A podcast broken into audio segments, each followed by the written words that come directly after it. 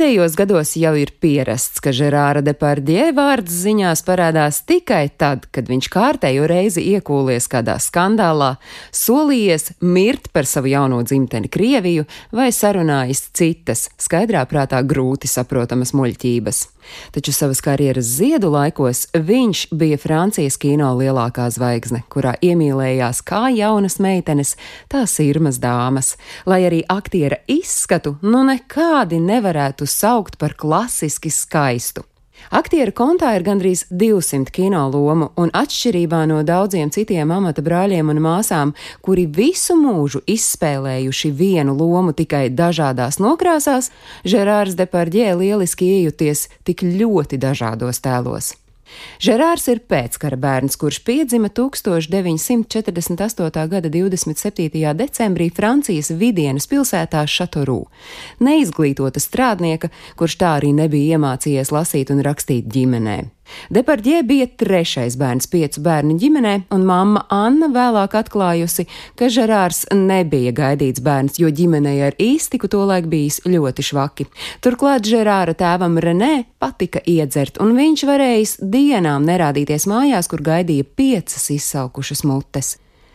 Pats aktieris atceras, ka bērnībā tikai retu reizi varējuši atļauties gaļu, Ģimenei gluži vienkārši nav bijis naudas, lai to iegādātos. Aktieris bērnībā ēdis pat ugunskurā ceptu sēžus. Bērnībā dzīvojot bez vecāku mīlestības, Zenam bija runas defekts, un tāpēc skolā bijis kluss un nerunīgs. Žerāram bija tikai 13 gadu, kad viņš pameta skolu un uzsāka darba gaitas, un ja vien viņš būtu palicis dzimtajā pilsētā, droši vien nekas vairāk par sīku blēdi vai zaglēnu no Depardjē nebūtu sanācis. Taču liktenīgo lozi viņš izvilka 60. gadu vidū, kad apciemojot kādu draugu, nokļuva Parīzē, kur laimīgā kārtā aizgāja līdzi draugam uz aktiermākslas lekcijām. Kad pasniedzējs piedāvājis arī Žerāram nospēlēt nelielu pantomīmu, viņš to ļoti atzinīgi novērtējis. Tai brīdī Žerāra dzīves liktenis bija izlemts. Viņš nolēma apgūt aktiera profesiju. Redzot, ka audzēknis ir ļoti talantīgs, pasniedzējs pat piekrita viņu mācīt bez maksas.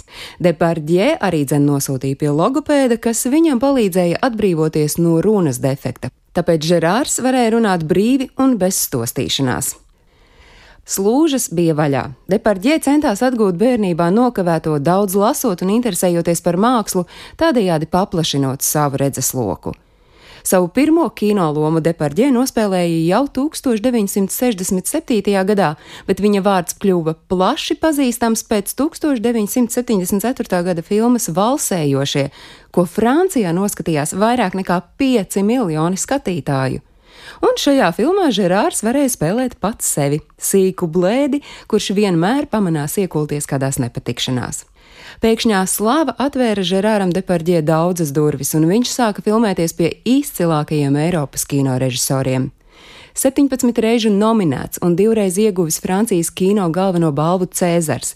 Par filmu Sirano de Beržeraks ieguvis Kannu kinofestivāla labākā aktiera balvu un nominēts arī Oskaram. Par šodienas jubilāru Žerāru Deparģē stāstīja Agnese Drunka.